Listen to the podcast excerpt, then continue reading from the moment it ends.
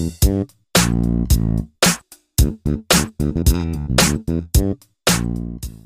datang di Geopods Hagi. Ada saya Jihan. Ada saya April.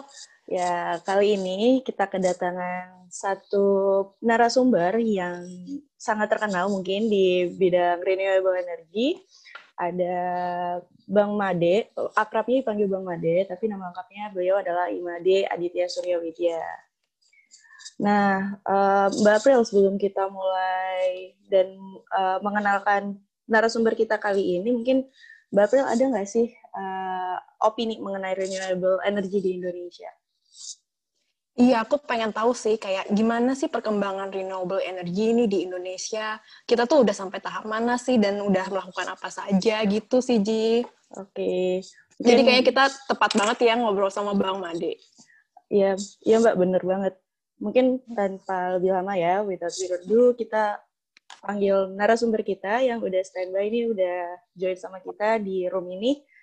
Halo Bang Made. Halo, Halo Bang. Halo Mbak April. Halo Mbak Jihan. Apa kabar? Sehat. Alhamdulillah baik, sehat. Bang Made apa kabar Bang? Baik, baik, baik, sehat. Belum, Alhamdulillah belum terkena COVID. Jangan sampai yang Jangan ya. sampai, benar-benar.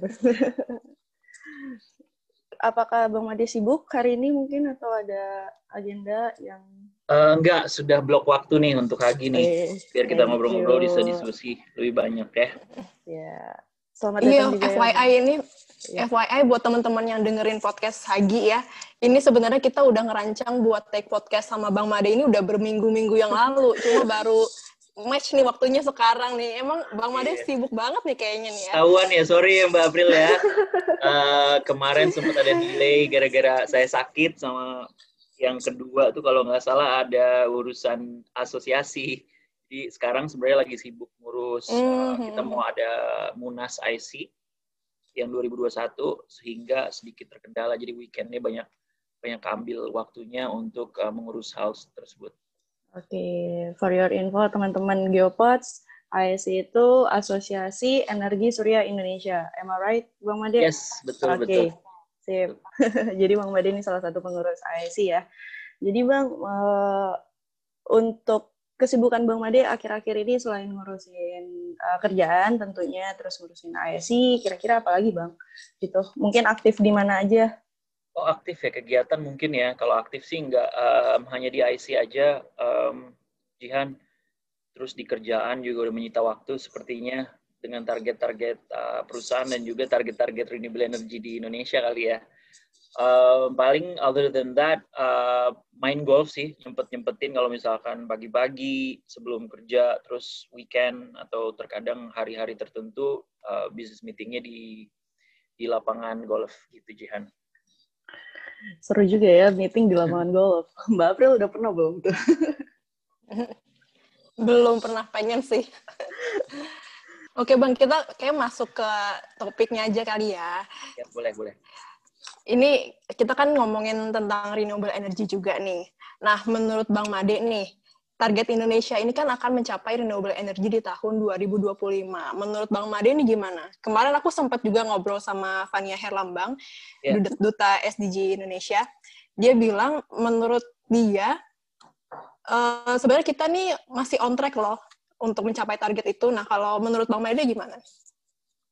Uh, on track sih mungkin sampai 2025 we, we never know gitu ya masih ada empat mm -hmm. tahun lagi ke depannya. Cuman kalau misalkan kita lihat dari tren uh, peningkatan energi terbaru, terbarukan di Indonesia, we are still on track, tetapi significantly very very slow on tracknya gitu ya Mbak uh, April. Hmm. Jadi memang ada kebutuhan-kebutuhan uh, khusus gitu ya, yang harus ditingkatkan guna kita mencapai uh, bauran energi terbarukan yaitu targetnya di 23 persen di 2025 gitu.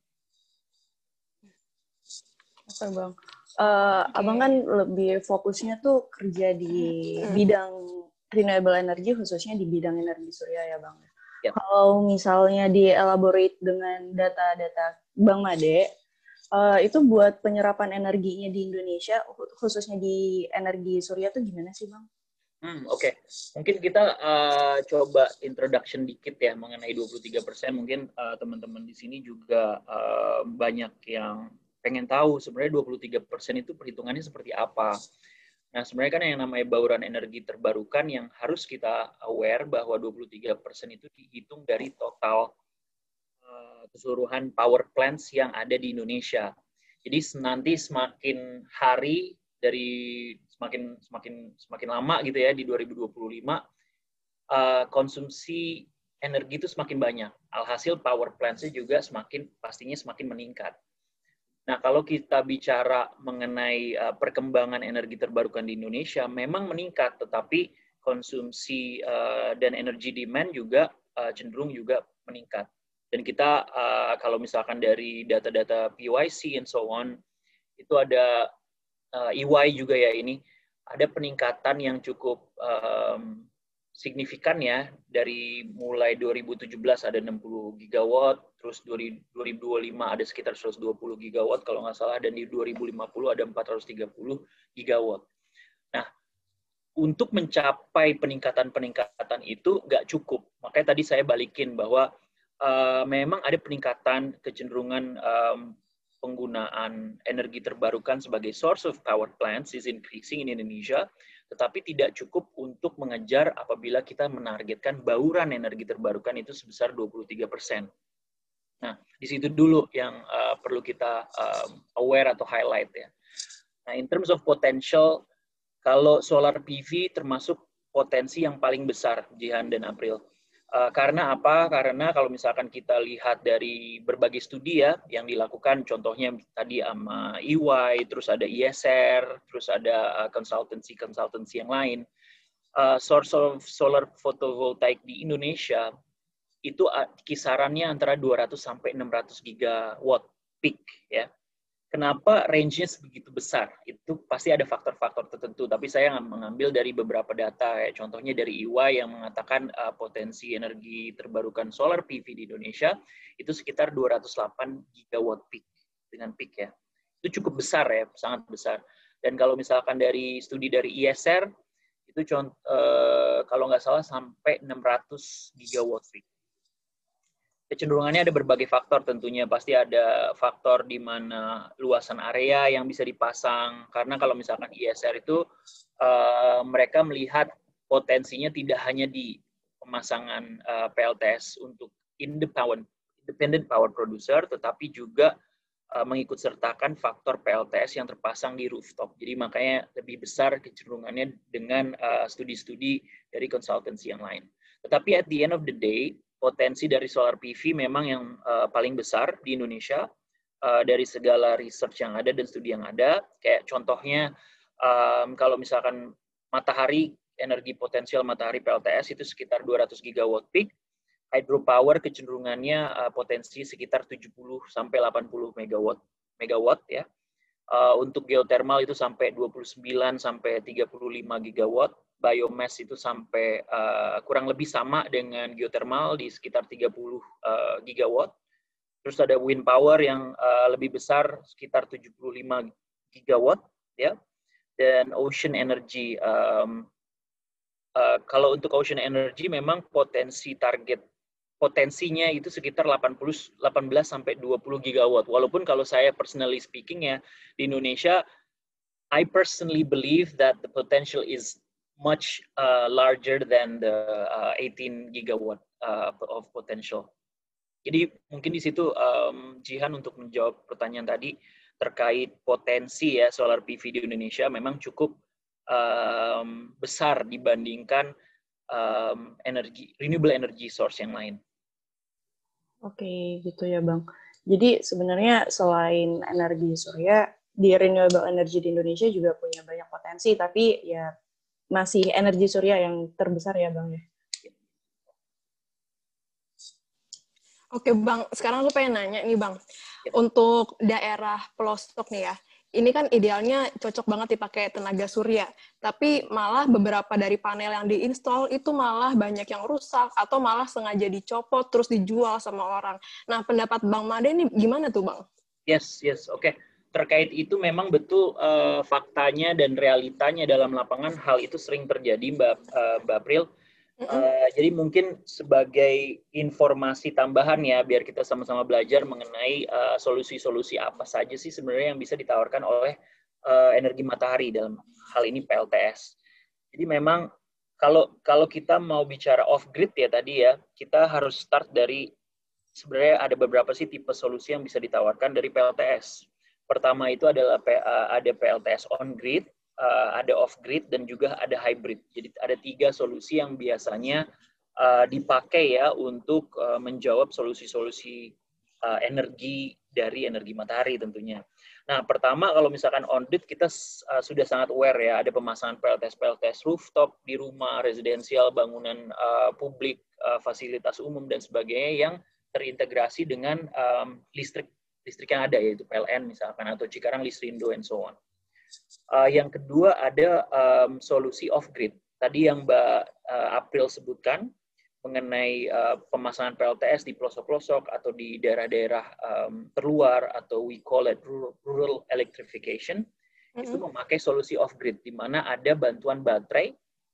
Uh, mengapa ada baterai? Karena karakteristik dari PLTS itu sendiri bisa menghasilkan memproduksi energi listrik, energi listrik lagi memproduksi listrik ya uh, saat siang hari, saat ada matahari. Sehingga ap, pertanyaannya apa yang terjadi pada saat malam hari? Nah, itulah uh, gunanya ada baterai sehingga ada listrik yang tidak terpakai pada saat siang hari itu di uh, cas ke dalam baterai. Itu yang solusi kedua. Nah, solusi ketiga ada yang namanya hybrid solutions. Hybrid solutions biasanya terintegrasi dengan energi source yang lain. Contohnya misalkan solar genset, terus bisa aja terintegrasi dengan uh, pembangkit listrik tenaga yang lainnya kayak contohnya bayu dan air and so on. So those are the type of uh, solutions that is um, uh, ada gitu ya yang ada di Indonesia itu tiga itu. Nah kalau kita bicara masalah off grid, off grid solution yang tadi Mbak April sebutkan, bahwa off grid solutions ini secara desain atau secara uh, teknis dan secara um, um, implementasi pengerjaannya itu akan jauh lebih sulit ketimbang yang on grid. Hybrid juga ada kecenderungan ada level uh, kesulitannya sendiri, tetapi kalau misalkan kita bertanya kepada engineering gitu ya, solar PV engineers uh, dan um, project developer di bidang PLTS, mereka pasti akan uh, mutlak mengatakan bahwa off-grid solutions itu jauh lebih sulit ketimbang uh, on-grid solutions. Mengapa? Karena ada pertama uh, ada banyak resiko-resiko teknis yang bisa ditimbulkan.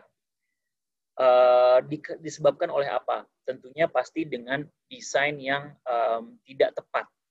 Uh, contohnya misalkan, uh, desain kalau misalkan off-grid itu harus tahu persis bahwa PLTS yang terpasang alias modul yang terpasang kapasitasnya sudah cukup besar uh, daripada konsumsi uh, listrik yang uh, dipakai.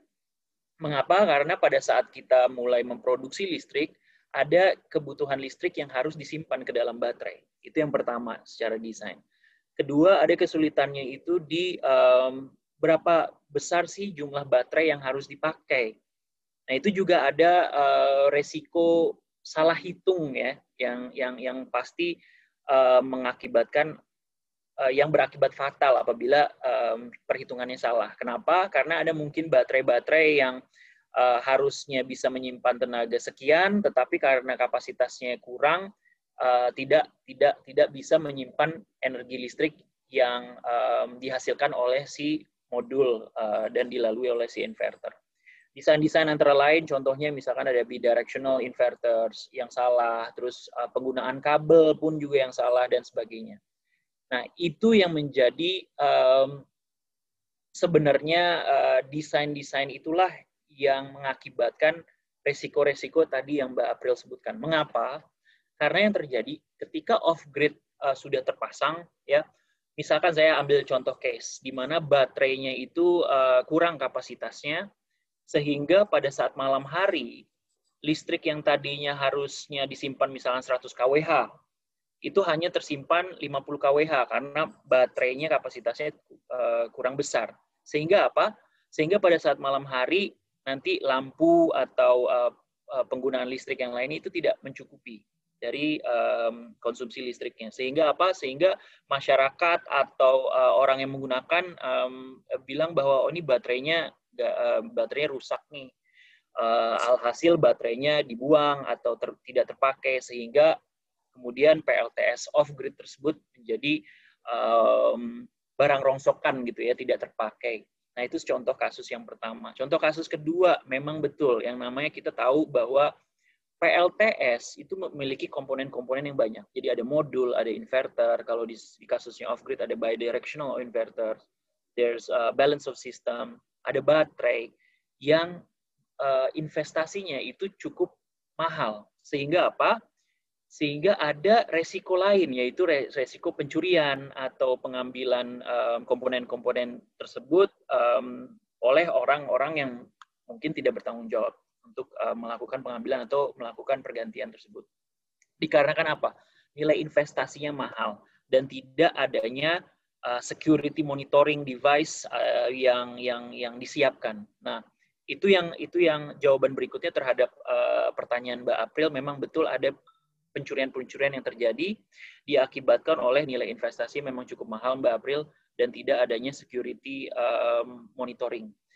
Dan yang terakhir alasannya itu adalah karena um, belum adanya pemeliharaan yang tepat, manajemen pemeliharaan yang tepat. Saya ambil contoh kasus ya, di mana banyak yang terjadi project-project um, dengan menggunakan misalkan dana dari negara atau dana dari komunitas, um, termasuk operasi desa, dana desa dan sebagainya untuk pengadaan PLTS, hanya memikirkan persoalan bagaimana melakukan pengadaan dari sistem tersebut, yaitu sistem PLTS.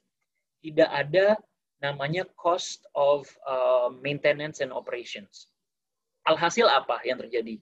Begitu ter, uh, begitu pengadaan itu sukses lancar gitu ya, terimplementasi dengan baik, tidak ada uh, perusahaan atau special purpose vehicles atau uh, bumdes atau koperasi yang diarahkan untuk melakukan pemeliharaan sehingga memang betul yang namanya pemeliharaan PLTS itu sangat murah.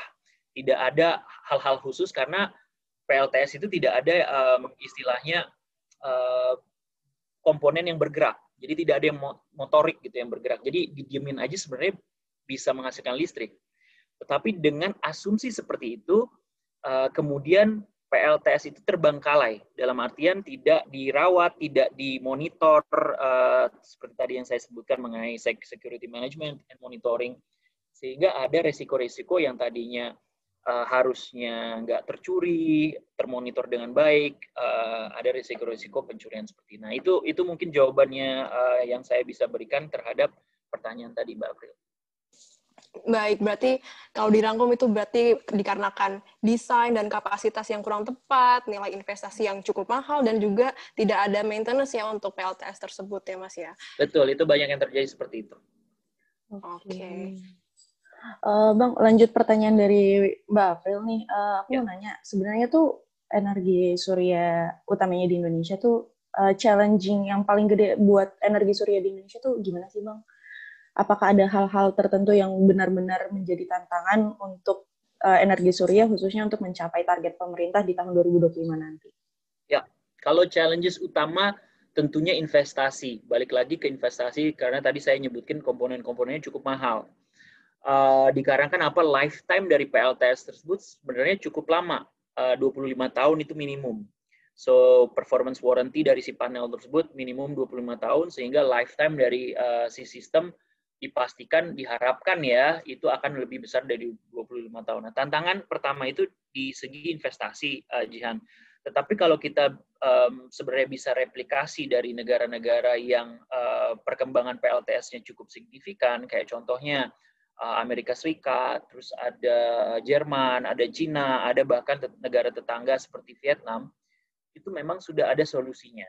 Solusinya itu ada di uh, pengembangan-pengembangan proyek PLTS yang investasi keseluruhannya ada di tangan uh, developer. Contohnya, kayak misalkan Jihan sama Mbak April sering dengar yang namanya Solar City kan ya, atau Tesla. Nah, Solar City itu yeah. menggunakan mm, bisnis uh, scheme-nya itu renting atau um, si pemasangan PLTS itu di, di, dibayarkan oleh si konsumen berdasarkan output uh, dari si PLTS tersebut. Sehingga apa? Sehingga apabila saya misalkan memiliki uh, lahan gitu ya, atau saya merupakan perusahaan pabrik yang punya rooftop besar gitu di di, di atap, uh, saya tidak meng, perlu mengeluarkan investasi satu sepeser pun uh, pada saat pertama pemasangan. Karena apa? Karena pengembang itu yang nantinya akan melakukan instalasi keseluruhan kos-kos seperti uh, pengadaan komponen, instalasi, termasuk juga izin-izin atau permits yang diharuskan, itu semua ada di developer.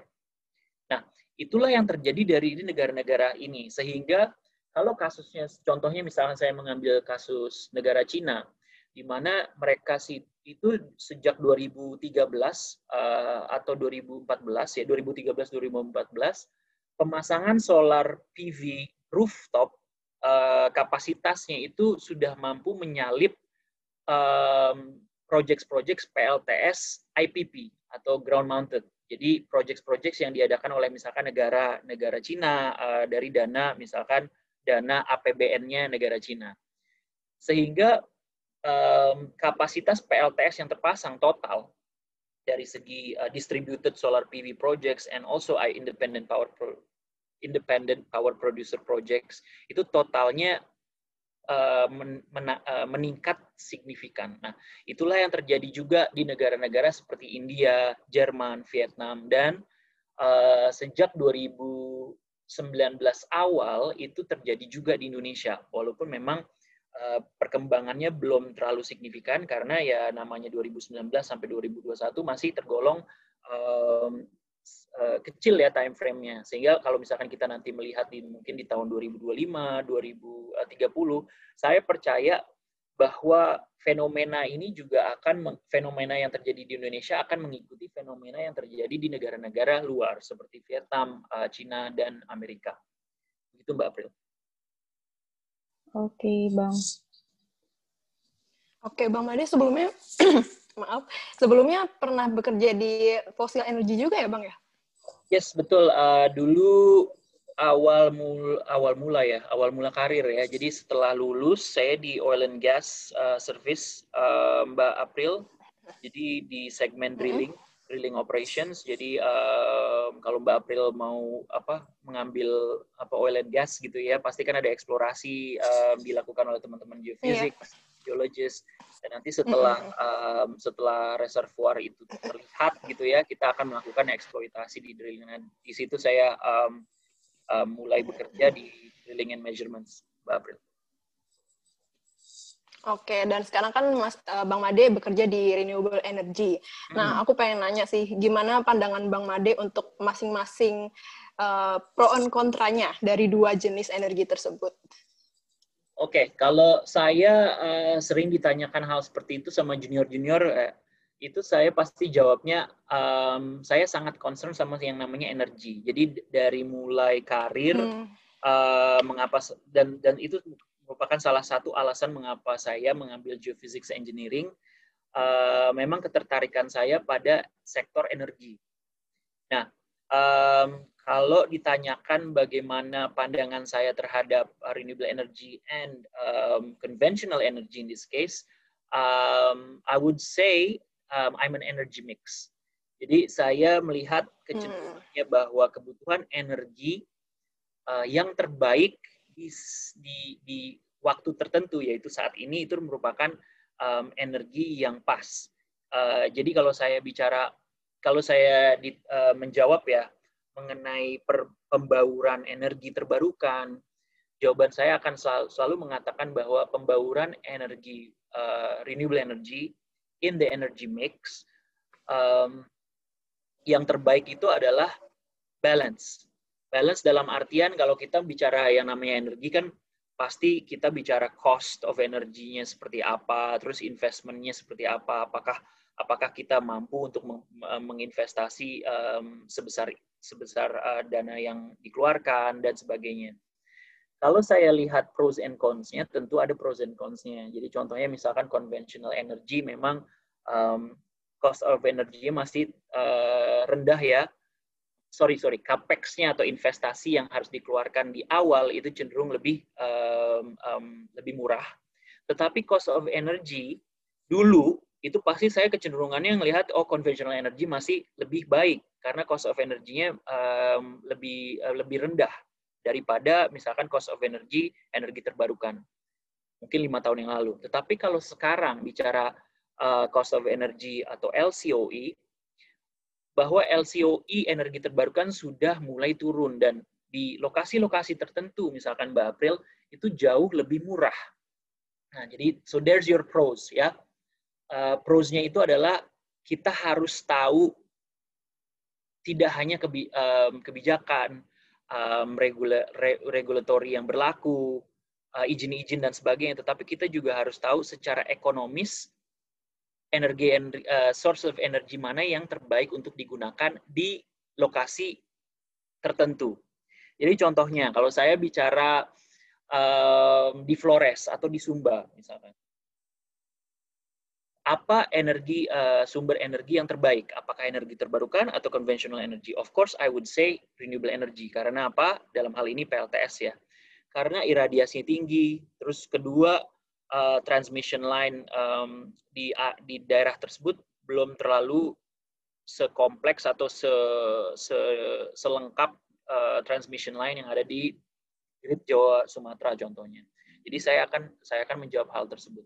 Jadi itu pros and cons-nya uh, balik lagi terhadap uh, lokasinya, terhadap uh, investasi yang diperlukan uh, dan sebagainya gitu Mbak April. Oke, Bang Made. Kalau misalnya nih, aku kan sekarang juga lagi bekerja di fossil energy ya, lagi conventional energy gitu. Nah, terus kalau misalnya aku tertarik nih mau masuk ke renewable energy juga, apa sih yang harus aku siapin, Bang? Ya, kalau persiapan sebenarnya sama aja, Mbak April. Uh, saya hmm. sudah mulai di solar PV industry atau energy power and utility ya, lebih tepatnya itu sudah ham, mau enam tahun enam tahun itu apa pada saat saya penetrate ya uh, renewable energy industry was it hard for me I wouldn't say uh, it was difficult ya sebenarnya mm-hmm. kalau yang namanya lapangan pekerjaan dan di posisi apa pun kalau kita ingin uh, mencoba dan um, belajar hal-hal baru itu pasti ada kesempatannya pasti terbuka luas. Uh, begitupun juga dengan saya. Pada saat saya masuk tentu of course um, it was a new position for me. Um, I had to study by myself, uh, otodidak, tanya kanan kiri, ya lihat YouTube bagaimana uh, melakukan simulasi solar PV contohnya dan sebagainya. Jadi saya saya kira itu berlaku di semua industri. Jadi kalau misalkan uh, contohnya ada teman-teman yang dari oil and gas terus pindah ke um, FMCG atau dari oil and gas pindah ke uh, sekarang hill riding and so on ya itu juga mengalami hal yang sama. They they they they studied something new, uh, they worked hard on it, and eventually they're good at their um, um, sector or industry dan dan build up their expertise and experience in that certain role. Jadi saya kira uh, persiapannya hanya tahu dulu industrinya seperti apa. Um, tahu, tahunya tidak hanya masalah teknis ya, tetapi uh, get a sense of the value chain of the industry itself. Jadi kalau misalkan hmm. mau ke in, industri baru, kita harus tahu benar-benar value chain-nya itu seperti apa. Kayak contohnya kita uh, belajar geophysics, tapi kita tahu persis value chain-nya seperti apa. Kan ada teman-teman dari um, um, petroleum yang belajar reservoir, ada geologist yang belajar uh, apa batu seperti batu-batuan seperti apa batu-batuan apa yang ada di um, apa formasi-formasi tersebut, ada kita dan sebagainya. Ada juga hal-hal lain kayak yang kegiatan-kegiatan apa yang terjadi downstream. What happens there? Eksploitasi, what happens there? So you have to know the whole uh, the whole value chain in order to know the certain industry. Nah, jadi saran saya sebelum memasuki energi terbarukan tahu persis ya sebenarnya energi terbarukan itu seperti apa, jangan hanya menyempitkan um, uh, diri di, di di di role tertentu. Jadi contohnya banyak juga yang uh, teman-teman engineering bertanya apakah bisa ke solar PV harus belajar solar PV engineering and so on. No, it's not that.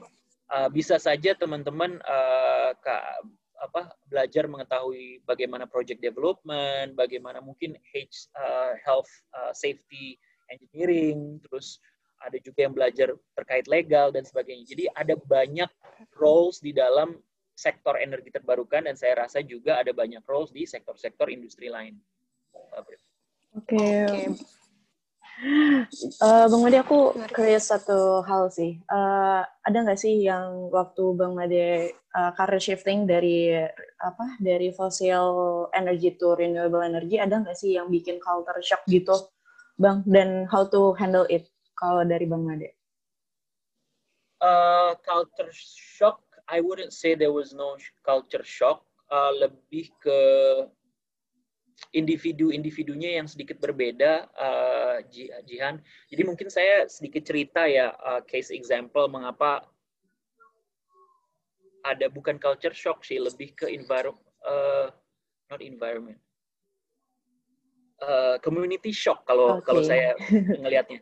Jadi contoh example case-nya itu uh, awal mula saya ke sektor energi terbarukan itu diawali de dengan saya mengambil sebuah posisi consultancy role ya yang memang uh, mengembangkan project renewable energy. Tetapi pada saat itu saya uh, sebagai business development, so not technically speaking about the solar PV project itself uh, in a more engineering role. Jadi lebih ke business development-nya. Karena sebelum di um, terakhir di oil and gas sector juga lebih ke project development. Sudah mulai uh, mulai ada di situ, nggak di engineering role-nya. Nah, pada saat saya ke business development role di um, di project tersebut itu kita memasang PLTS di sebuah pulau yang memang tidak ada uh, pembangkit listrik selain diesel genset yang hanya nyala 4 jam uh, sehari.